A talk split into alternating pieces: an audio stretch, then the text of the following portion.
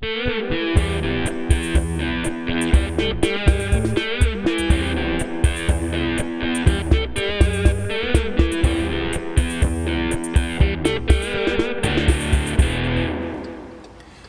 ben ik uh, alleen onderweg, want Toon kan niet. Uh, onze agenda's matchen niet en Toon heeft ook wat buitenlandse jobs. Uh, waardoor dat, ja, dat ik het vandaag alleen ga doen. Um, het wordt wel uitdagend en geluiden en interviews. Dus ja, we zien wel. Maar ik ben onderweg naar Vilvoorde, naar de Aziat-site. En daar ga ik Tom van Torre zien.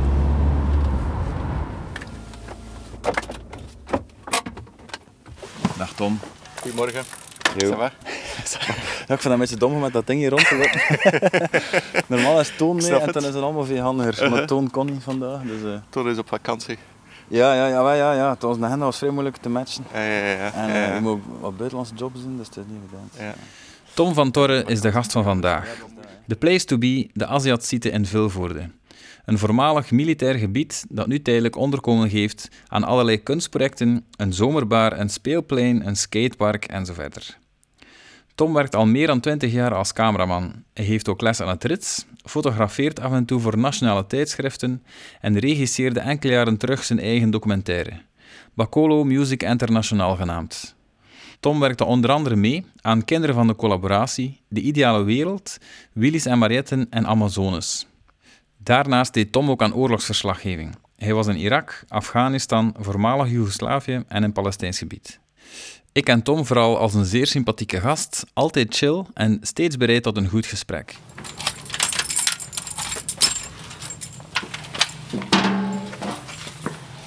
En daar zijn stoelen, tafels. Ja, perfect. Als dat kan, dat is, dat is perfect. Ja, ja, maar door binnen. Dat is super. Ja, super. Wat zou daar geweest zijn vroeger? Een soort uh, moshi feestzaal, ik weet niet. Of een refter. vergaderzaal. Kijk, Ruikt een beetje buff, maar eh, Ja. dat pakken we erbij.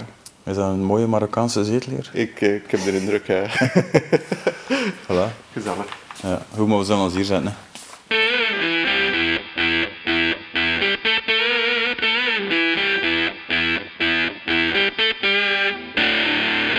Goedemiddag, Tom van Torre. Goedemiddag.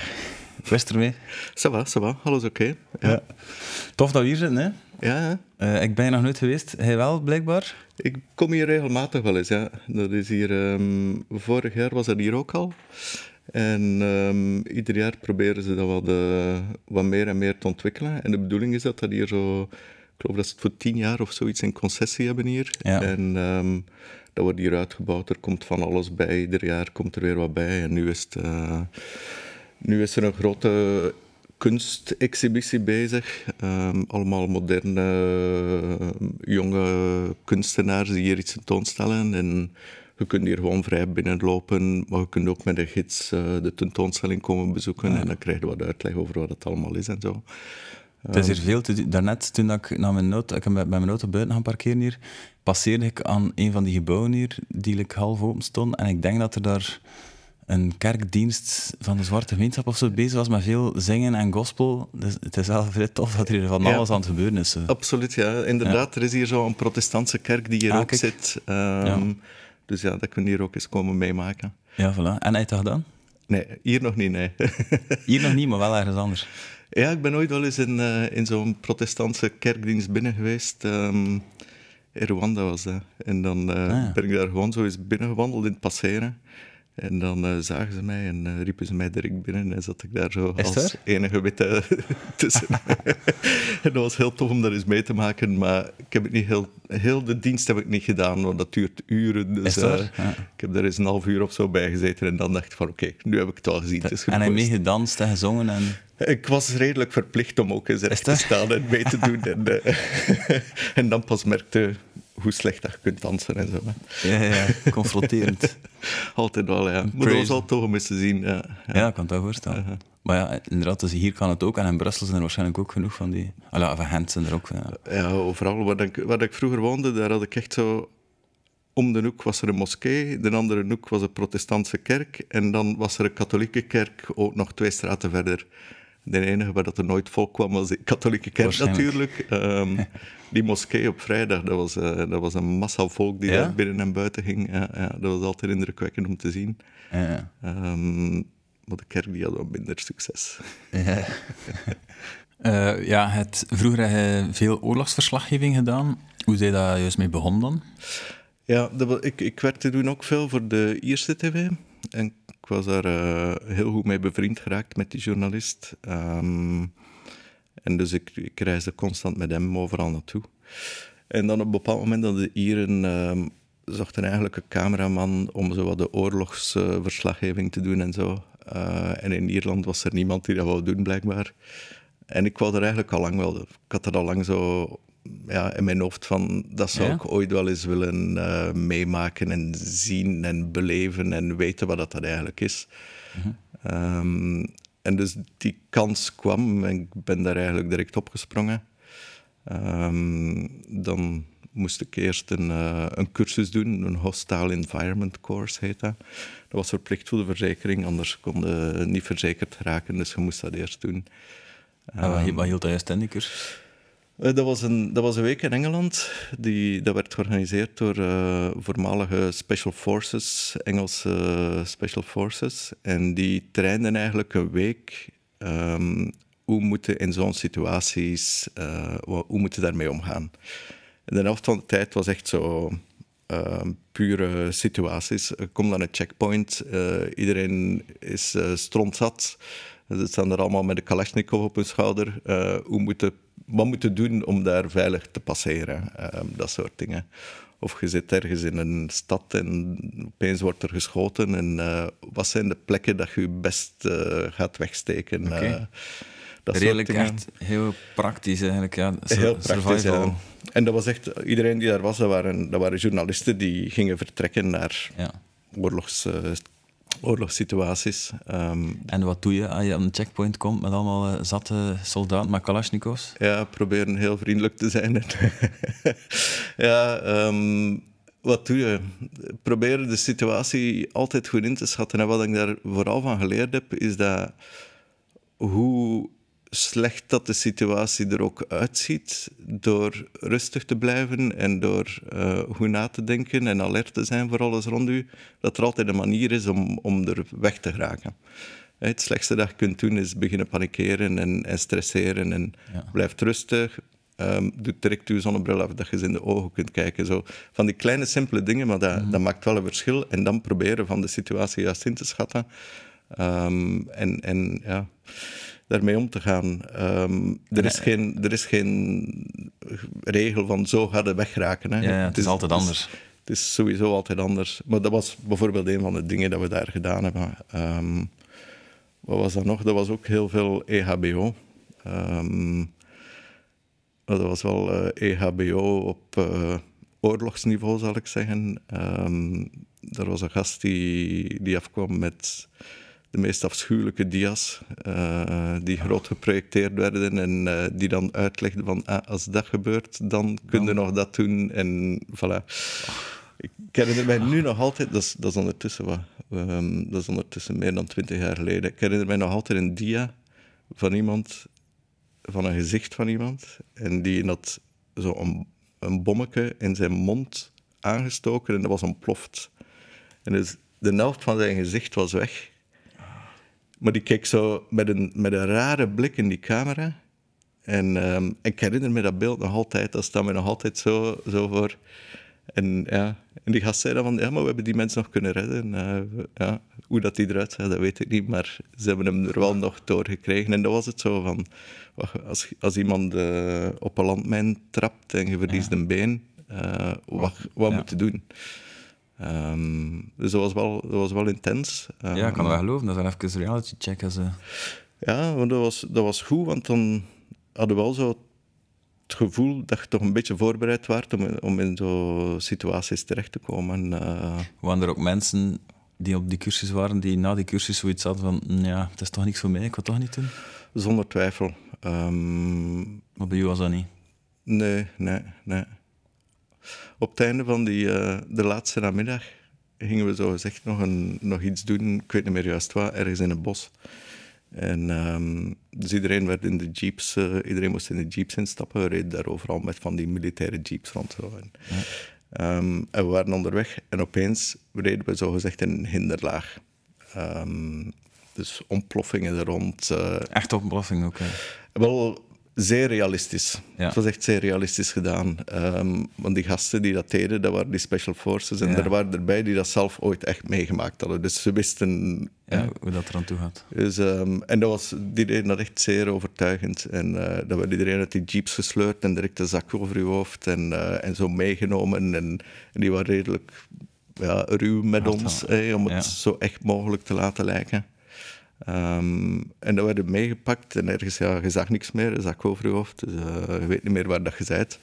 Je moest ergens neerzitten eh, op een koude betonnen vloer. ehm, en dan liepen die gasten daartussen aan het roepen en eh, en één voor één werden er wel eens uitgehaald. Ik weet nog dat ze mij op een bepaald moment meepakten, meesleepten en op de grond legden. En ehm, achteraf weet ik hoe dat ze deden, maar ik voelde zo een auto op mijn zijkant rijden. En echt zo, mm, dat geluid van die motor vlak naast mij. Allee, lekker dat ze ging platrijden. Ja, ja, ja.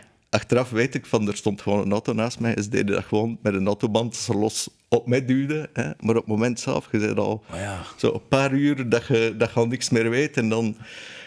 Ah, dat was echt, dat was echt Shit. heftig. En dan werden meegepakt en dan moesten proberen van jezelf vrij te pleiten. Maar dan ze een revolver tegen je hoofd. En, eh, en dan moesten proberen, dat was uw laatste kans. oké, je hebt een revolver tegen je hoofd. Probeer jezelf hier nu maar uit te lullen. En bij sommigen lieten ze ze gaan. En bij sommigen deden ze klik. en dat is niet goed gedaan dan. Jammer. Nee, nee, bij mij deden ze klik. Is het waar, hè? en zeggen ze dan achteraf wat hij moeten anders doen? Of like, in ieder geval, waarom? Of, ja, of dat was niet. Nee, ik, had gewoon, ik had gewoon de verkeerde dingen eh, proberen zeggen om mij vrij Ja. te pleiten. En, eh, het ging, ik denk dat ze het ook... Het was ook zo... Ja, het ging er sowieso een paar afgeschoten worden. Dus Voilà. ja, wat er nu was heel ook- was of een ander. Het is dat. En, en het idee natuurlijk is van, van al eens het gevoel gaat hebben van een revolver tegen je hoofd hebben. Ja, ja. Want dat is wel een rare sensatie als je ineens een revolver Ja, ja, tegen je ja. hoofd hebt. Ook al weten dat hij niet geladen is, ook al weten dat ze je niet gaan doodschieten. Maar dan nog, toch, dat idee, ja. dat is echt raar. Dat is echt raar. En dat is goed om, als voorbereiding, omdat je dan iets rustiger kunt blijven als er situaties echt zo zijn. Zo erg heb ik het nooit gehad. Hè. Ik ben nooit in zoiets geweest dat, dat ik echt... eh, Maar het helpt wel allemaal om, eh, om er wat op voorbereid te zijn in de mate van het mogelijke. Want eens dat je dan in zo'n situaties komt, is toch... Ja, je kunt er eigenlijk niet echt op voorbereid zijn of zo. Het blijft toch een heel bizarre situatie als je zo ja, ergens zit. Ja. Zeg, en, ehm, dus heb je een cursus gevolgd, maar dan zijn je daarna ook echt in oorlogssituaties terechtgekomen? Ja, ik heb zo een paar, ehm, een paar dingen gedaan. Ja. Ik ben eerst, het eerste dat ik ooit gedaan heb was in Macedonië. Dat was zo op het einde van de Balkanoorlogen. De laatste was Macedonië. Dat was de eerste keer dat ik in zo'n situatie gezeten heb. Ehm, en dan daarna ben ik nog in, in Irak geweest ook. Ehm, in, wat was dat, 2003, de oorlog. Eh, ja. Dan ben, ik, eh, dan ben ik vrij lang in Irak geweest. Ehm, Hoe lang is vrij lang? wel, paar toen dat de oorlog ging beginnen, ehm, waren we daar al een beetje ervoor. Hè. Iedereen wist van het zit eraan te komen. En, eh, en wij zaten in het noorden van Irak bij de Koerden. Ehm, en we dachten zo van ja, over een week of zo, het zag er naar uit, over een week ging het beginnen. Dus we waren daar wat op voorhand. En, en het heeft dan nog iets langer geduurd voordat het begon. En, en de bedoeling was oorspronkelijk dat ik daar twee weken zou naartoe gaan. Ehm, maar iedere keer op het einde van de week vroegen ze van... "Ah, Zou het toch nog wat langer kunnen blijven? En, en ik wou daar eigenlijk zelf ook wel op dat moment. Want ik was er dan en het En wou er wel blijven, En ja. ik wou daar toen wel nog blijven. En ehm, ik ben in plaats van twee weken ben ik daar twee maanden geweest. Wow. Wat het voor mij, ehm, wat het voor mij een ongelooflijke ervaring was. En op het einde van die twee maanden was het dik kapot.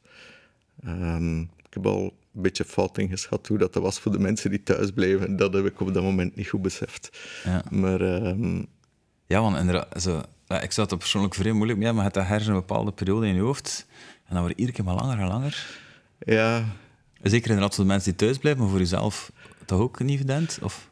Goh, ik, ik weet niet, ik zat daar en ik wou daar precies nog blijven. Zo. Je wou dat was- mee- meemaken, zo. Ja, ik wou, het was niet dat ik naar huis wilde. Ehm, Oké, ja. En na twee maanden zijn we naar huis gekomen, omdat de journalist echt, eh, echt doodziek was. Die moest echt eh, weg van daar. Ehm, maar het was ook niet dat ik per se dan naar huis wilde of zo. Ik had daar nog wel kunnen blijven, maar het was beter dat ik naar huis kwam. Zo, En, en hoe was dat daar? Wat heb je er allemaal gedaan? Of welke... Goh, ehm, dus we zaten in, het Koerdische gedeelte, wat dat eigenlijk al half onafhankelijk was van de rest van Irak. En het idee was dat de Amerikanen langs daar gingen proberen binnenvallen. Ehm, wat ze uiteindelijk maar heel beperkt gedaan hebben. Ehm, maar we hebben van daaruit, ja, zijn we ja, bijna dagelijks eh, nieuwsitems gemaakt ehm, over, over eh, de strijd daar en eh, alles dat er gebeurde. Ehm, ja. Hoe dicht kom je dan bij het slagveld? Ehm, Of de frontlijn? Ik weet niet hoe- dat zegt. Goh, dat varieert nogal. Hè. Je, je weet inderdaad, het, het rare aan zo'n oorlogssituatie is dat je, dat er eigenlijk, eens dat je daar bent, dat dat vrij gedefinieerd is waar dat het gebeurt. Dus je weet, je weet echt wel van daar, daar is de frontlijn inderdaad en dat beweegt. Ehm, maar als je daar zoveel kilometer achter zit, ça va, is dat eigenlijk wel best oké. Ja. Ehm, er is wel een soort constante dreiging of zo. Of, of, of eh, gevoel dat, dat, dat alles eh, op het randje is. Ehm, maar eh, Op welke manier voel je dat? ja, gewoon overal dat je komt, bijvoorbeeld, zijn al de ramen zijn afgeplakt met, eh, met tape. Voor als er een bom ontploft, dat ze niet zouden versplinteren en alle kanten opvliegen.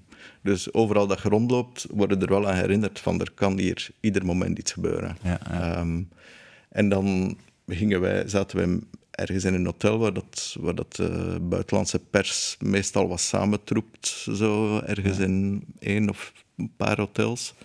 En van daaruit ga je dan wel ja, iedere dag ergens naartoe om te zien wat dat er daar gebeurt. Ehm, dus je komt er wel soms dichtbij. En moet je dan echt gevechten ook filmen? Of, eh, Mm, Dat heb ik niet gedaan. Dat heb ik nooit gehad. Ehm, wel zo van op, van op afstand, hè, van op serieuze afstand, dat je ziet dat er bombardementen bezig zijn, dat er, eh, dat er bommen vallen. Ehm, maar het is niet dat wij eh, meegingen ehm, in de frontlijn met militairen, embedded, eh, dat niet. nee, nee. Dat hebben we één keer in, in Bagdad heb ik dat wel eens gedaan, zo op een nacht. Dat we met Amerikaanse militairen meegingen die ehm, op zoek waren naar valsmunters. Ze hadden zo'n tip gekregen dat ze ergens eh, in hun huis zaten. En, ehm, en dan zijn we wel mee geweest met hun en, en mee met die inval mee binnen geweest en zo. Dat was wel, eh, was wel spannend. Ja, Eh, waarschijnlijk. ja. Maar hij zegt net bombardementen, dus hij weet... Hij had wel al bombardementen, op zich op afstand, maar hij had dat wel al gezien en gevoeld. En ja, ja, ja. hoe is dat? Of, of... Eh, Dat is heel bizar. Ik herinner mij, we stonden daar naartoe te kijken van, van, van op een berg verder. En je ziet dat gebeuren. En een beetje alsof dat je eh, naar een vuurwerk staat te kijken of zo. Maar je beseft dan ook wel van, ja, oké, net op dat moment sterven daar mensen. Ja, ja, ja. Iedere ontploffing sterven er mensen. Dus het was een heel bizar gevoel van daar naar te staan kijken. ja. En dat dat een zekere, ehm, ja, ik ga niet zeggen entertainende factor had, maar je staat daar gebiologeerd naar te kijken zo, Ja, en je ja. kijkt en, en, en je voelt je een beetje vies, want je weet van... Het, Beetje, geeft, beetje ramptoerist, een beetje. het is eigenlijk de ultieme ramptoerisme misschien Ja. wel. De ultieme ramptoerisme. Ehm, ja, zoiets, ja. Eh, ja, dat is bizar. Dat is heel bizar. Ik herinner me dat echt nog, dat je die ont- ontploffingen ziet en je ziet die vuurbal zo. En, je staat daar naar te kijken en dat, dat geeft een zekere vorm van opwinding of zo. Om- Wauw, dat is zo'n soort kracht die loskomt dat je ziet. Ehm, en wij stonden er echt nog wel ver vanaf. Hè. Eh, en dan beseft ook van shit, er zijn net mensen gestorven. Dat kan niet anders. Ja, ja. Dat is, eh, dat is bizar. ja, ik kan dat wel geloven. Ja. Ik heb het zelf nog niet meegemaakt, maar Ja, het feit inderdaad dat je dat weet, ja. Is heel raar. Ja. Ja, dat zorgt er ook voor, denk ik nu altijd wel zo, als ik nu Oekraïne-beelden zie of zo, dat, dat doet er mij nog altijd wel aan denken. Zo van, Ja. ja, ik vind dat verschrikkelijk. Gruwelijk. En met die Oekraïne-crisis nu, kijk jij daar anders naar dan, dan ik bijvoorbeeld, die die ervaring niet heeft? Of, eh,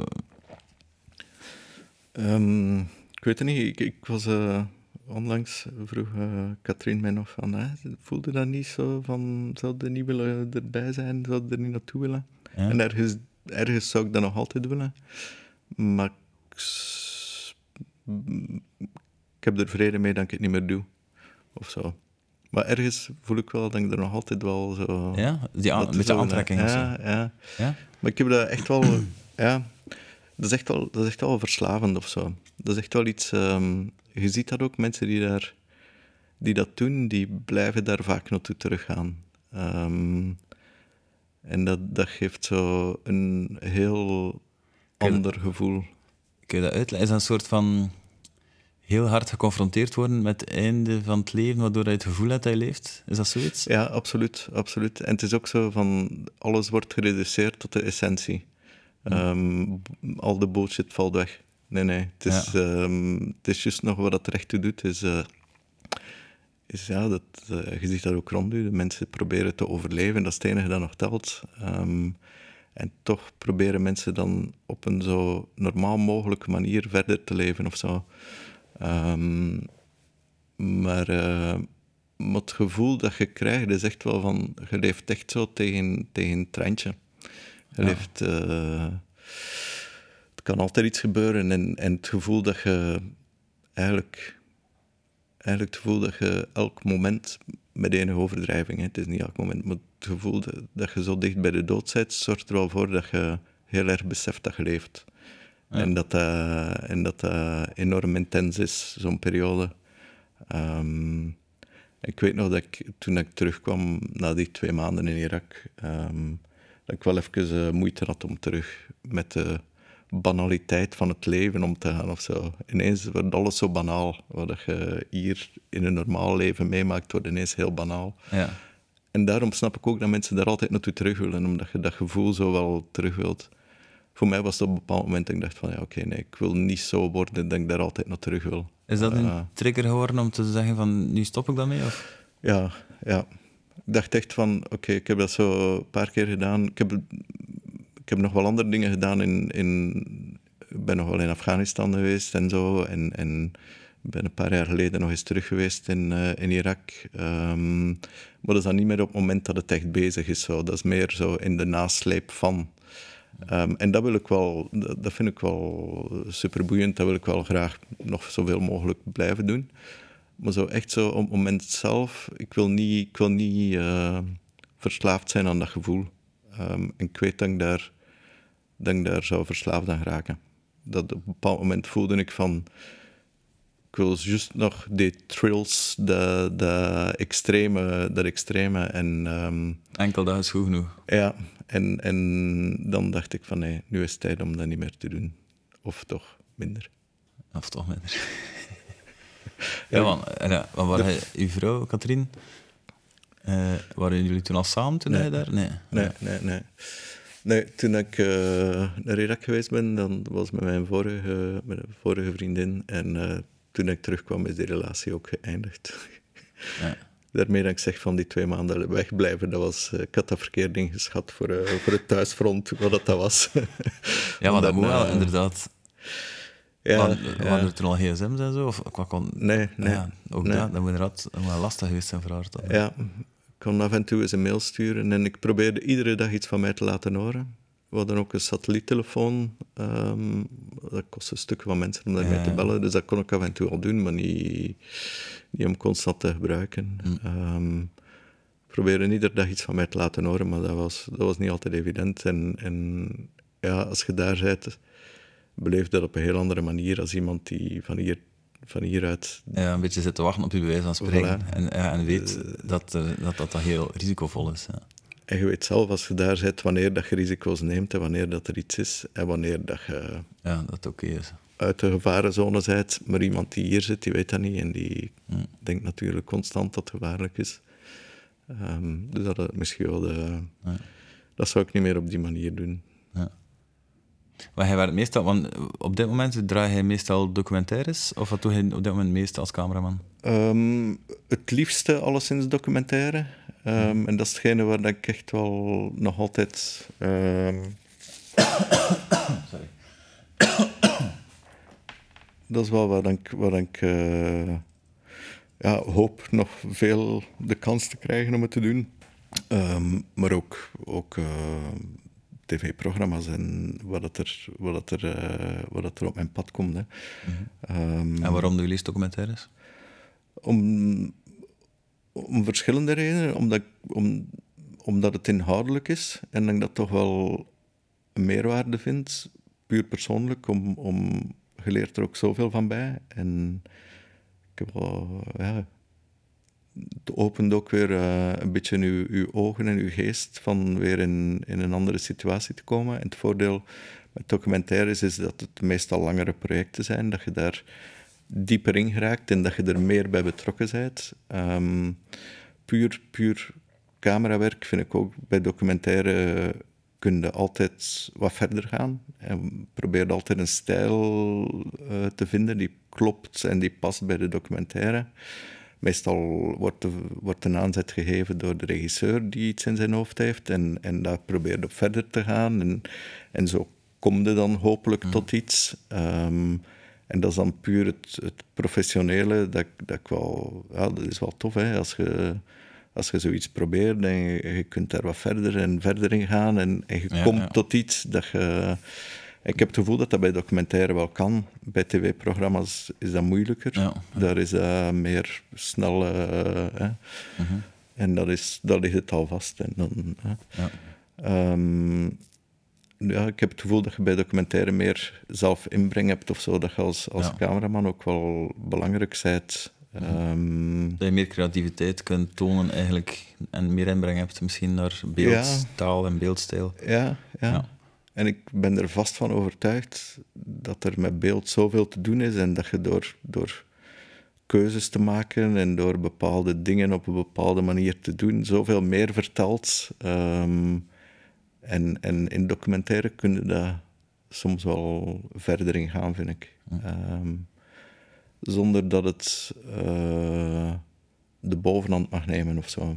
Ehm, ik hou niet van dingen die te gestileerd zijn of die te gezocht zijn of, of zo. Ja. Ik hou wel van een beetje, een beetje puur en een beetje ruw en mag een beetje vuil zijn. Het moet niet te clean zijn allemaal zo. Ehm, en dat kun je ook meer bij documentaire dan, dan doen, vind ik. Ja. Dus, eh, ja. Ah, cool. Ehm, eh, Amazones was een reeks met Farah Diagiri op Canvas dat je gedaan hebt. Ja. Dat was ook, want ik weet dat je, ik heb die eerste aflevering van het Palestijns-Israëlisch conflict heb ik gezien in de tijd. Ja. Vond ik echt vrij goed, trouwens. Ook mooi gefilmd, Tom. Dank u. Dank u. Mooi, mooi, het is waar. en eh, ik weet dat er op een bepaald moment, herinner mij dat er een bom was ontploft in het Palestijns gebied, niet zo ver waar jullie zaten. Dat is een aanslag of zo. Klopt dat? Of, eh, ja. Er is een ontploffing geweest op de weg waar dat we, toen dat we daar waren, was er een ontploffing op de weg dat we net, ja. net genomen hadden. Ehm, Hoe was dat om dat te doen, die, die productie? wacht, ik ben even aan het terugdenken, hè, want Ja, ja. ik ben u, ben u verschillende dingen door elkaar aan het, aan het gooien. Ehm, Verschillende explosies door elkaar. aan het toen, dat we am, Sorry. toen dat we Amazones deden, eh, wacht eens, zijn we in het Palestijnse, Israëlische, zijn we langs de twee kanten geweest. Ja, ja. Een explosie herinner ik me daar niet meer. Was die op marktje zo? Eh, er, was wel, er was een aanslag geweest Ja. ehm, in Jeruzalem. En dan is er een Palestijn eh, als vergelding een beetje ehm, doodgeschoten. En zijn we Ja, die dag naar die begrafenis geweest. Ja, ja. Het is waarschijnlijk dat je dat je aan denkt. Het kan, ja. Ik, ja, Sorry, ik weet het niet meer exact. Dat, was al, dat, was een, dat herinnert mij ook nog wel eh, heel levendig, ehm, die begrafenis. Dat was de dag zelf. En dan zie je hoe dat die Palestijnen daaraan gewoon zijn. Want iemand sterft en de dag zelf of zondag wordt hij begraven. Maar direct schiet er een hele machine in gang, want er werden, toen dat wij daartoe kwamen op de begrafenis zelf, waar dat er duizenden mensen waren. Ehm, dan hing dat al vol met affiches uh, van die gast die net gestorven was.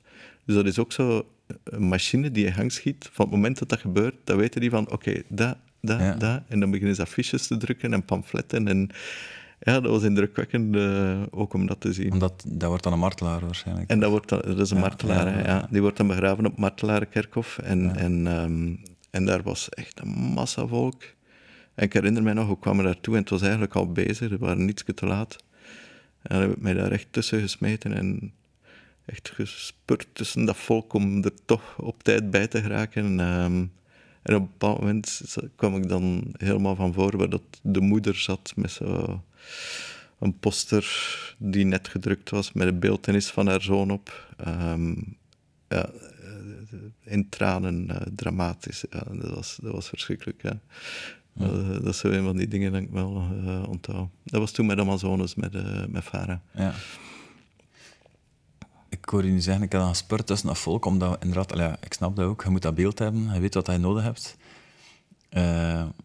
is dat moeilijk om dan, zeker op zo'n moeilijk moment, mensen die aan het trouwen zijn, die zijn aan het storten, om jezelf als mens even weg te cijferen en te zeggen, ik moet niet puur voor dat beeld gaan, want misschien stoor ik hier wel, maar ik wil dat beeld hebben? Ja, dat is soms al uh, een beetje een mindfuck. Hè. Dan, soms denkt je mm. wel van, wat ben ik hier aan het doen?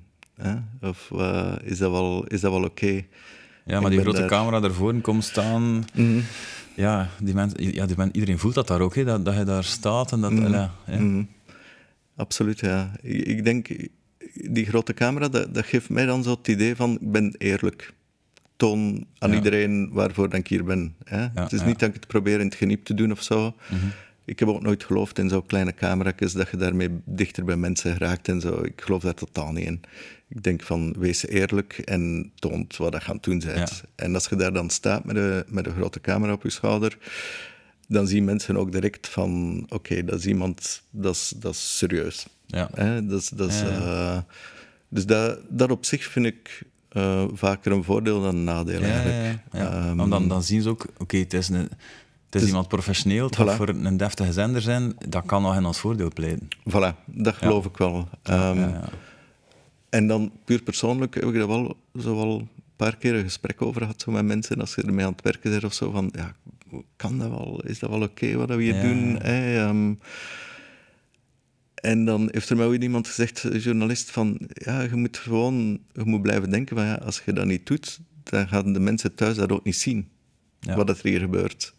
En dus het is wel, het belang moet je er wel van inzien van wat dat gaan doen. Het is niet gewoon puur voor je eigen, voor sensatie dat je naar hier komt. Je doet het om iets te tonen dat de mensen zouden bewust zijn, want iemand die hier in Vilvoorde woont, weet misschien niet wat er in Palestina gebeurt. En, en het is... Allez, um, je moet wel het belang inzien van wat je aan het doen bent. Um, maar het blijft soms wel moeilijk. Soms is het wel moeilijk als je zo iemand... Uh, als ik, ja, ik kan mij zo wel een paar situaties inbeelden dat je mensen ziet in een moeilijke situatie en dat je dan wel even moet slikken, zo van... Hmm, wat ben ik hier aan het doen? Ja. Maar ja, ik geloof, wel, ik geloof daar wel in. Dat is mij altijd bijgebleven. Zo ja, van, je, moet, je moet wel geloven in wat je aan het doen bent. Um, en dat dat toch wel minim klein verschilletje misschien kan maken hier en daar. Hm. Ja, absoluut. En hoe was dat voor de rest, die Amazones, om dat te doen? Uh, Amazones was heel, heel tof. Um, Misschien nog een keer kort uitleggen voor de mensen die dat programma niet zouden gezien hebben. Zo zijn er wel een paar, denk ik. ja, um, ja, ja, Amazones was een, programma van, uh, van VRT, um, ehm, waarin dat Farah op uh, bezoek ging bij female fighters, vrouwelijke vrouwen die de wapens opgenomen hadden. Um, en Israël-Palestina was één aflevering. Uh, we zijn ook in Colombia geweest bij de FARC. Um, en dan de derde was bij de Peshmerga, de, de um, Koerdische vrouwelijke strijders in het noorden van Irak. Dus dat waren drie afleveringen. En ja, dat was ongelooflijk boeiend. Hè? Dan, dat is zo... dat is zo waarvoor dat ik het doe. Hè. Dan komt op plekken waar dat, dat normaal niet komt. En dan ontmoeten mensen dat je normaal niet zou ontmoeten. En, uh, en dat is fantastisch. We hebben zo in Israël-Palestina Leila Galet uh, geïnterviewd. Dat is uh, een vrouw die tot twee keer toe een vliegtuig gekaapt heeft voor de Palestijnse zaak. Okay. En dan, dan zit hij daar opeens mee in de auto en is die aan het vertellen hoe dat ze dat gedaan heeft en beleefd heeft. En uh, ja. ja. dan denk je van, oh my god, er zijn toch wel mensen met een ongelooflijk leven dat je tegenkomt. Ja. Um, dus dat was, dat was geweldig. Maar iedere aflevering, ja, bij die, in Colombia zaten we dan bij, in een kamp van de FARC. Um, en dan hoorde daar verhalen van vrouwen wat die allemaal meegemaakt hebben, dat je heel goed snapt waarom dat ze opeens de wapens opnemen. Ja. Um, hetzelfde in, uh, in het noorden van, van Irak, uh, bij de Koerdische uh, strijders. Ja, daar wordt, daar wordt het um, martelaarschap ongelooflijk verheerlijkt, wat ik heel bizar vond. je zit daar dan tussen jonge vrouwen van 20, 25 jaar die allemaal getraind zijn als militair en die het martelaarschap eigenlijk als het hoogst haalbare Ja, zien. Die dat En dat ambiëren vond ik- bijna. hè. Ja, dat is echt heel bizar. Die worden daar Ja. echt... Als die sterven in de strijd, dan worden die ook overal afgebeeld. En langs de weg zie je overal eh, foto's en, en, ehm, en schilderijen hangen van die mensen. En, en dat is zo bizar eh, om dat zo te zien. Van die jonge vrouwen die eigenlijk Ja. Het leven voor hen hebben, die alles kunnen doen, maar die dan kiezen om, om dat te doen. Is dat een soort brainwash, denk je? Ja, om, om in die state of mind te geraken? Of dat is, ja, dat is gewoon heel die cultuur die daar zo rond zit. Ja, ehm, het, is, het is misschien gevaarlijk om het brainwashing te noemen. Mm. ehm, maar het is inderdaad wel een cultuur die... dit is iets wat gecultiveerd wordt. ehm, wat je ook moeilijk kunt snappen als je daar niet in opgegroeid bent of zo. Ja, en de ja, vraag ja. is altijd maar weer, wat is, wat is normaal? Wat is de referentie in uw omgeving? Wat, wat wordt dat als normaal gezien? Dan, gaat, dan gaan de meeste mensen dat als normaal eh, aanvaarden. Eh, voor ons is dat heel bizar. Ik, snap het niet. Ehm, maar terzelfde tijd, ja... Zij leven in een heel andere situatie. Ja.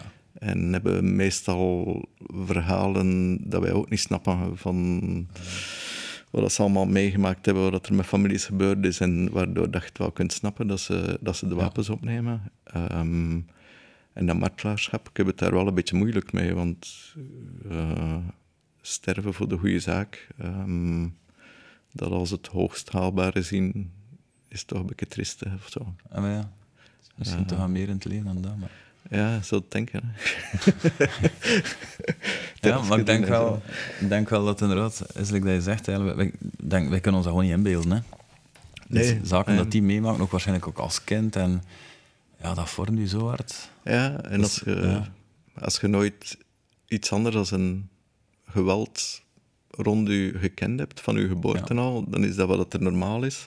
Ja. En dan probeer je daar je plek in te vinden. En ehm, Mhm. Ja, dat is bizar. Eh, gelukkig eh, is dat hier niet zo.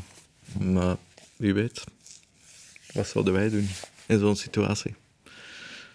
Ik zou rap weglopen, denk ik. Dat is misschien het beste. Nee, ik zou niet mee om kunnen. Ehm, Eh, ja, wat dat me nog afvroeg met die... ehm, was dat met Farah Diagiri, was inderdaad de leading lady in dat programma. Ken je haar goed? Hoe was dat met daar samen te werken? Wa- Was zij heel hard onder de indruk van al die ervaringen daar? Of? Ah, Farah is, eh, is een onwaarschijnlijke madame om mee samen te werken. Hè. Dat Ja? Is, eh, ja, ja, dat is, eh, Waarom? Ik vind dat, ik vind dat iemand die heel erg goed is in haar job. Dat is een van de beste interviewsters dat ik ooit al eh, bezig gehoord heb. Ehm, en terzelfde tijd is hij heel menselijk. En ehm, kan die met iedereen omgaan. En, eh en kun je daar gezellig een pint mee drinken na de opnames. En, ehm, en kun je daarmee babbelen over van alles en nog wat. Ehm, maar die is ongelooflijk goed in interviewen en, en die weet zo goed waar dat ze mee bezig is. Ik vind het echt eh, iemand waar ik eh, enorm veel respect voor heb. Ja. Echt een straf madame. Ja. Maar cool dat je dan met zo iemand kan samenwerken. Inderdaad. Absoluut, absoluut. Dat, Ja, is, dat, is, eh, dat is heel plezant. Uh, dat is altijd je- plezant, maar dat weet je ook. Dat is plezant om, om, met, om met mensen eh, samen te werken Ja, die, die je pushen en die... allee, ja, je- je wil het ook niet laten afweten als je met zo iemand samenwerkt. Hè. Je wilt Nee, ook nee, het nee. beste van jezelf geven, want Ja, dat doet de rest ook. Ehm, Dus... eh, Ja, dat is. Ja, wat hij nu zegt. Ik heb een paar jaar terug voor topdokters mee mogen gaan naar, ehm, naar Congo, waar dat we een portret gemaakt hebben van een Brusselse arts die jaarlijks met een team een week naar daar ging gaan opereren bij Denis Mukwege. Een art- arts, je kent hem waarschijnlijk, die de, Nobelprijs. een half jaar ervoor de Nobelprijs gewonnen heeft. Ehm, dat is echt straf wat dat die mensen gedaan heeft, omdat er heel veel problematieken zijn door vrouwen die op heel brute manier verkracht worden. Ehm, en wij mochten daar ook, dus die mens wordt ook beschermd door blauwhelmen. Dat ziekenhuis is volledig eh, prikkeldraad er rond, blauwhelmen en zo verder, omdat hij al een aanslag gehad heeft, overleefd heeft weliswaar, zijn een collega niet. Dus dat huis werd ook bewaakt door blauwhelmen. En toen ook, eh, mochten wij ook elke middag bij hem thuis in zijn huis, zijn vrouw kookte voor ons. En dan denk ik ook van, wow, dat is echt wel straf dat je hier aan tafel mogen zijn. ongelooflijk. ja, en dat was echt lekker. Dat was ook, ja... Dat was vrij Ook lekker, nog, die is Afrikaanse keuken. Ah, ja, ja. Dat, is toch, dat is toch een privilege? Allee, Ah, dat, ja. is toch, dat is toch... Ja, dat is fantastisch aan die job, hoe dat je zo Ja. mensen leert kennen. Ik herinner mij zo... In, ik heb ook iets gedraaid, ehm, ook voor Canvas was dat... ehm, eh, Brave Little Belgium. En dat, ging, dat was over... Dat was in het kader van de herdenking van 100 jaar Eerste Wereldoorlog. Ja. Dat was in de aanloop naar het einde, naar de vieringen en zo. hè. Ehm, en dat was met ehm, Sophie de Schaapdrijver, ehm, die eigenlijk een, een autoriteit is wereldwijd op het vlak van de Eerste Wereldoorlog. Die gaf les op een, een Amerikaanse universiteit. Ja, ja, ja. En die dan ter plaatse op al die plekken die belangrijk waren, eh, de uitleg gaf en zo. wat er gebeurd was Ah. En, eh, en die dat wat kaderde. En dat is, ja, ik denk dat dat op zich wel een, een waardevol programma was, dat dat interessant was, dat veel mensen daar heel veel konden van opsteken over de Eerste Wereldoorlog. Maar ja, wij zijn daar dan een paar weken mee op pad en geleerd die kennen. En dat blijkt dan een, een super toffe madame te zijn. Ja. Ehm, en dan zitten daar smiddags te eten met een van de mensen die het meest over de Eerste Wereldoorlog weet. De regisseur wist er trouwens ook nog heel veel over. Dus er waren met twee. En ik die er eigenlijk niks over weet. En, maar er was geen schroom of geen schaamte om, om iets te vragen aan haar. Ja. Die, die, die was kon, geen probleem. Ja, Ja. op de meest banale, stomme vragen ging die nog altijd een deftig antwoord geven. En, Ja. Dus dan zitten daar zo te babbelen en dan denk je van, dat is toch, dat is toch, dat is toch fantastisch dat je dat kunt meemaken, dat je met zo iemand om het even wat kunt zitten vertellen. En, eh, Ja, ja. ja, dat zijn... eh, ja, dat is cool, hè. ja. Zijn er nog andere documentaires of documentaire reeksen? Want ik zie dat je ook voor kinderen van de collabor- collaboratie gewerkt hebt. Een Changemakers is ook een programma dat je gedaan hebt. Mhm, mhm. Dat je denkt van ja, dat was echt wat tof. Of heb ik eh, toffe dingen mee meegemaakt? Of... Ehm, ja, bij die Changemakers, dat is eigenlijk eh, het programma waarvan ik denk, ehm, dat is zo jammer dat dat zo weinig bekeken geweest is. Ja, maar ik heb dat gezocht op 14 nieuw, maar dat stond er ook niet Stond meer er op. zelfs niet op, nee. nee. Over- Waarover ging dat programma? Ja, over changemakers, in die zin van mensen die proberen van echt een verschil te maken. Ehm, Ja. En dat, was, eh, dat, was, dat waren echt fantastische mensen om te ontmoeten. Zo was er een bij in, eh, die in Kenia woont, een Amerikaan. Ehm, die eigenlijk als, als 15-jarige had hij al een, eh, een gigantische bureau in Silicon Valley. Dat was zo'n wonderboy. 15 jaar. Ja, en die had eigenlijk op zijn achttiende al eh, genoeg verdiend. Bij- allee, een beetje kort door de bocht, hè, maar bedoel, dat, dat was echt zo iemand die, die ja, op weg was om het helemaal te maken in eh, Silicon Valley. En die dan op een bepaald moment beslist heeft van, ja, nee, dit is het toch niet voor mij. Dat is niet wat ik wil. Ehm, en die was eh, verhuisd, die was in Kenia gaan wonen en had een systeem ingevoerd om ehm, een soort... En dat was een Amerikaan Een. Amerikaan, ja. ja. Ehm, wil, ik weet nu zijn familienaam niet meer. Hm. Dat is een beetje belachelijk als ze erover spreekt en zijn naam niet weet. Hè. Ehm, Een slim Amerikaan was een het. hè? slimme Amerikaan, absoluut, die in Kenia woont. Eh, en die had zo een systeem ingevoerd, eh, een lokale munt voor een sloppenwijk. Ehm, dus dat eigenlijk enkel binnen die sloppenwijk eh, gebruikt kon worden. En het idee was van, daardoor gaan we stimuleren dat mensen in de Sloppenwijk iets gaan doen. Iemand heeft de waterput, de andere heeft een paar kippen, de andere kweekt tomaten. En zo gaan ze met die munt eigenlijk een handel Ja. opstarten in die Sloppenwijk. En het beetje geld dat ze dan hebben van een jobje hier en daar is ergens erbuiten, kunnen ze dan gebruiken voor hun kinderen naar school te laten gaan en dat soort dingen. Ehm, en dat werkte. Dat werkte effectief. Ehm, die Sloppenwijk was eh, ook al heel veel beter geworden, omdat de mensen ja, echt zo een soort fierheid begonnen te krijgen daarover. En iedereen begon iets te doen. En ehm, ik vond dat fantastisch. Die gasten, eh, die, die eigenlijk eh, de wereld lag aan zijn voeten. En hij zei van, ja nee, ik ga, ik ga iets totaal anders Ja. doen. En, ehm, en ik ga iets doen wat dat echt betekenis heeft. En die mensen in die sloppenwijken waren daarmee geholpen. En dat, eh, dat werd op dat moment begon dat ingevoerd te worden in verschillende sloppenwijken. Dat ze allemaal Oké. hun eigen munt begonnen te creëren. En dat er echt zoiets begon te ontstaan. Ehm, dus dat was fantastisch om die mensen eh, eh, te ontmoeten. Ehm, En hoe oud was die mens toen? eh, in de 30, zoiets, jaar of 35 misschien, 30, 35, zoiets. Ehm, en zo was heel die serie was opgebouwd rond dat soort figuren. Mensen die echt probeerden een verschil te maken. Zo zijn we ook op een eiland in eh, Indonesië eh, een Française gaan filmen die daar woonde en die er daar zaak van gemaakt had om dat eiland proper te krijgen. En echt alle plastic letterlijk, en- ja. Echt letterlijk proper, ja. En die daar, eh, en die daar ook in slaagde, die, die, die daar echt een verschil maakte. Ehm, en zo zijn er dus nog mensen, changemakers. Ja, en dat eh, ik denk dat dat programma misschien wat te vroeg gekomen is. Dat, Ja, want- eh, dat de mensen daar nog niet klaar voor waren. Of zo. De. De, de kijkers zaten daar precies nog niet op te wachten. Dat is niet goed bekeken geweest. want dat klinkt Terwijl heel dat- actueel, toch niet? hè? Wel, ik, ik, ik, zou echt, eh, ik zou echt hopen dat ze dat nog eens opnieuw uitzenden. Gewoon. Ja, wel ja. Want ik denk dat er misschien nu, dat de geesten misschien meer gerijpt zijn daarvoor. En dat, dat mensen daar meer zouden naartoe kijken. En dat dat... En wanneer was dat? Hoe lang is dat geleden, dat programma? Oh, eh, oh, ik zou zeggen, misschien al een jaar of zeven geleden of zo. Zoiets. Ik weet Ah, het ja. eigenlijk niet meer. Ik weet het niet meer. Ehm, Een oproep aan de mensen van VRT. ja, zet Changemakers tenminste op VRT nu. Ja, wel, dat moet toch dat. kunnen. Ehm, je hebt een paar, een paar, eh, hebt een paar fotoreeksen gemaakt. Onder andere heb je gezien dat je met Mosul ge- gemaakt hebt, een fotoreeks in Irak. Ja. Wat was dat juist? Ehm, dat was toen dat we in, toen dat we Amazones gefilmd hebben. Ja, dat was tijdens Amazones. Dan had ik, eh, ja, ik neem sowieso altijd wel eh, een fototoestel mee. Ah, ja. en, ehm, en dan had ik daar eh, een reeks foto's gemaakt in Mosul.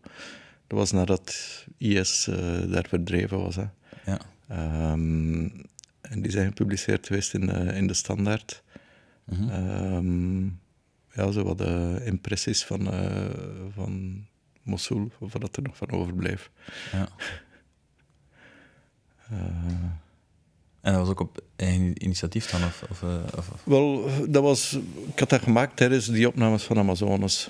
Ehm, en nu even denken, zo, hoe is dat dan nu weer? Want ik heb een paar keer, eh Farah heeft een paar keer dan een artikel geschreven en daar heb ik dan foto's bij gepubliceerd. Ehm, En nu weet ik niet meer zeker, die van Mosul, of dat dat ook zo was. Ehm, Ik heb die gisteren nog een keer gegoogeld en ik dacht dat hij ook tekst erbij gedaan had. ah ja, Zo heb ik het toch gezien. kan wel. Ik weet, ik weet het niet zeker meer. Ehm, maar dat, dat, wa- dat, was, dat waren foto's die ik genomen had tijdens, eh, tijdens die trip eh, voor Amazones. Ehm, maar dat was een, ja, inderdaad, ja, het komt terug. Inderdaad, het, waren, eh, het was apart, het was los van, van, van Farah. Ehm, maar ik, eh, ik heb al een paar keer iets daar gepubliceerd en ik weet bij wie dan ik eh, iets kan aanbieden. En Ja. ik, had nu zo, ik had die foto's gemaakt terwijl dat we er waren. Eh, en achteraf dacht ik van ja, oké, het zijn misschien toch wel sterke beelden. Het is, Ja, het is misschien toch wel de moeite, dus dan is aangeboden. En dan zijn ze gepubliceerd geweest. ja. Want dat was, voor een keer kort uit te leggen, hoe, hoe, waar, wat was het, de Ehm, insteek van die reeks, die fotoreeks? Ehm, hoe dat eh, de stad eruit zag na de passage van eh, IS en dan het eh, geallieerde platbombarderen. Mosul was, toen dat de IS daar zijn kalifaat had, was een van de belangrijkste, was de belangrijkste stad in het noorden van Irak. Ehm, en IS heeft dat, ja, had dat volledig in handen. Ehm, en toen dat de tegenaanval begonnen is, eh, hebben ze die stad eigenlijk volledig plat gebombardeerd. Ja. Echt, ehm, dat was, dat was eh, verschrikkelijk om te zien. Eh, ja, alles was gewoon plat gebombardeerd. Ze zijn begonnen met de, met de bruggen te bombarderen die er naartoe gingen, zodanig dat iedereen die er zat niet meer weg Ook kon. burgers. En daar zijn zeker heel veel burgerslachtoffers gevallen. En, ehm, en dan hebben ze dat echt eh, plat gebombardeerd om IS daar eh, klein te krijgen. Ehm, wij zijn daar geweest, ik denk, zes maanden, een jaar nadat dat gebeurd was. Ehm, en dat was echt een heel grimmige, heel grimmige Ja. plek. Eh, Er was nog, ja, natuurlijk nog niks heropgebouwd. eh dus dat lag daar nog allemaal in ruïnes. eh, dat was echt... ja, was eh, redelijk gruwelijk om te zien. Ehm, En daartussen leven dan nog mensen. Hè? Mensen die daar niet weggeraakt zijn, mensen die Ja. daar nog zitten, mensen die teruggekeerd zijn. Eh, maar allemaal, allemaal met verhalen van de eh, familie die overleden is. eh, ofwel door. IS, ofwel door de, de bombardementen achteraf. Ehm, en dat was wel echt zo'n plek dat ik dacht van, oké, hier moeten we niet lang blijven staan. Is dat, hè? Ja, op een bepaald moment was er daar wel echt zo'n situatie dat ik dacht van, oeh, nu staat er hier echt wel veel volk rond ons, dit is niet goed. Ja? Ja, ja. Dat weet ik nog, dat we daar Op echt... welke zo- manier? eh, Ja, je komt daartoe als cameraploeg, natuurlijk valt op. Hè. Dus ehm, je trekt de aandacht, iedereen komt kijken. Ehm, je weet waar dat je bent, hè, wat er allemaal gebeurd is.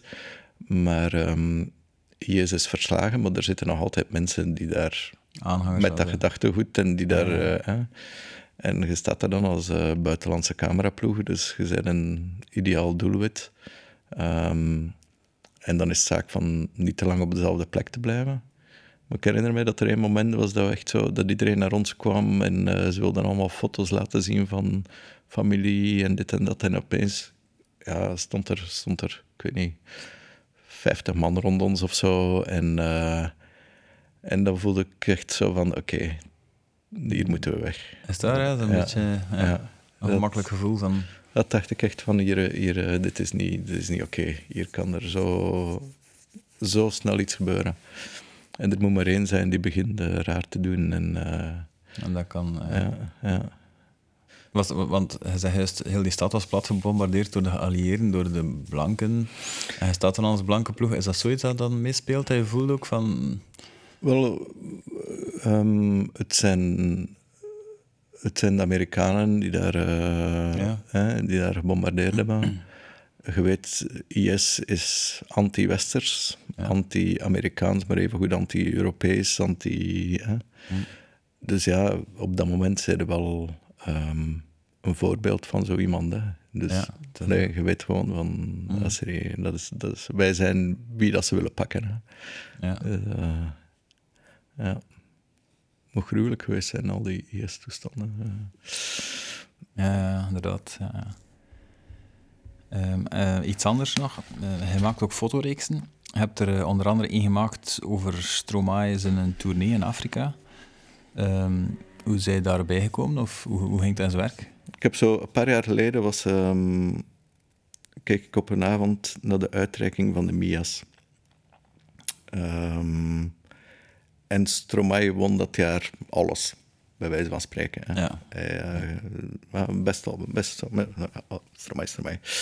En, ehm, en op een bepaald moment vroegen ze hem van, ah ja, wat zijn uw plannen? Hè? Wat, ga je, wat ga je de komende jaren doen? Ga je een nieuwe plaat maken? Bla, bla, bla. En hij zei dat hij op tournee ging in Afrika. Mhm, ja. En dacht van, oh, dat is fantastisch dat hij dat doet. Ehm, dat iemand de omgekeerde beweging maakt. Hè? Ja. Ehm, en dan dacht ik, en dat bleef zomaar in mijn hoofd hangen. Zo van, en ik had zo het gevoel van, ah, misschien moet ik dat proberen van daar iets rond te maken of zo. Ehm, en ergens dacht ik van, het is het perfecte moment om ook eens een soort Afrikaanse middenklasse te laten zien. Want wie gaat er naar die optredens gaan? Dat gaat een soort de Afrikaanse middenklasse zijn die er naartoe gaat. Ja. Ehm, en dat is nu net iets wat ik vind dat hier nooit aan bod komt. Hè? Dus dat, dat- dan dacht Ja, ik... want ik denk dat veel mensen... Ja, ik spreek voor mezelf. Als ik hoor Afrikaanse middenklasse, inderdaad, ik heb ook zo'n zo iets in mijn kop, waardoor ik niet ervan uitga dat dat niet bestaat, een Afrikaanse middenklasse. Aha, aha. Dus dat inderdaad, terecht. Terwijl dat die wel bestaat natuurlijk. Ah, ja, hè. Er zijn ook mensen die gewoon een job hebben en, eh, en een familie en die daar een normaal leven leiden. En eh, ik kan niet zeggen dat de meerderheid is, maar, maar er- dat bestaat ook gewoon. Het, eh, Ja. En, dus, ehm, en dan, dan ben ik zo naar een paar van die optredens gereisd. En, ehm, en heb ik op die concerten zelf mensen aangesproken met de vraag of dat ik ze in de dagen daarna bij hun thuis mocht komen fotograferen. Ah. Ehm, En dat was volledig op eigen initiatief een eigen Ja. project eigenlijk. ja, Dat, was, eh, dat was mijn eigen eh, kleine avontuur. Ehm, en dan heb ik dat gedaan en ik vond, eh, vond dat geweldig om te doen. En, en ja, dat is dan gepubliceerd in de Standaard eh, Ja. Weekblad. eh, of Weekblad is dat in de weekendbijlage. Ja. Standaard magazine, Weekblad. Ik weet nooit wat dat wel is. Ehm, en dan hoop ik, denk ik zo toch, dan denk ik van oké, nu komt die Afrikaanse middenklasse toch ook eens een klein beetje in beeld. Ja, ja, En nog, ehm, hoe lang zie je jezelf dit nog doen? Of, of onder deze constellatie? Eh, zo lang mogelijk. Ehm, ja, ehm, het is, het is eh, ja, zo lang mogelijk. Echt wel. Ik vind het nog altijd wel. Ik zei het, onlangs waren we erover bezig. Was er iemand die waren, waren eh, op pad en er was iemand die vroeg van. eh allee, zou het zo. Zouden ooit iets anders willen gedaan hebben of zo? Of, ja. Ja, ik, ik, zei, ik zei dan van, eh, ja, ik denk dat ik in mijn leven al drie keer zoveel meegemaakt heb als de meeste mensen in, in, een, eh, ja, Volledig. in een normaal leven. ehm, en dat gaat in geen enkele andere job kunnen hebben. Dus eh, ik hoop dat ik nog veel dingen kan meemaken en dat ik nog heel lang kan doen. Ehm Terzelfdertijd weten natuurlijk ook van, oké, het is een fysiek zware job. Het, is, eh, is veel sleuren, heel zwaar, heel, heel dikwijls rare uren, weinig slapen. Allee, ja, de, de, dus dat weet ik niet eh, of dat je dat altijd kunt volhouden. Ehm, maar ik zou ook niet weten wat anders. En, ehm, en misschien, misschien evolueer ik naar meer lesgeven en minder zelf filmen. Dat zou ook kunnen, dan, dat is ook nog tof. Of ehm, ik heb ook wel altijd zo grading, dat zou ik misschien nog wel willen doen. Ah, ja, color grading. Ja, Ja, ja, Ja, de ehm, kleurcorrectie op, ja. eh, in het postproductieproces. Ja. Dat lijkt me nog wel eh, toffer om te doen. En dan uh, dat lijkt me fysiek al uh, een pak minder zwaar. Dan kun je op een stoel zitten. Hè? Voilà, voilà dan zit je binnen op je stoel en uh, voilà, dan doe je dat maar.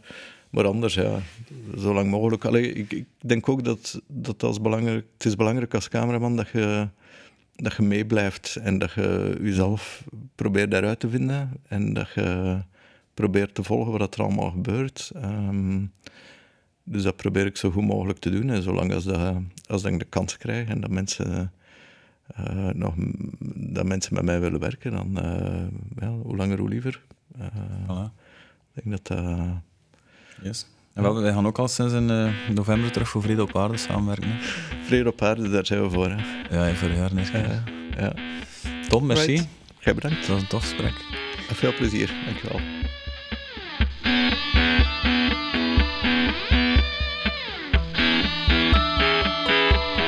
Dankjewel om te luisteren naar Crew. In de volgende aflevering zitten we samen met Jelle Gordijn, de regisseur van de serie Nonkels. Meer info en foto's vind je op onze website crewpodcast.be.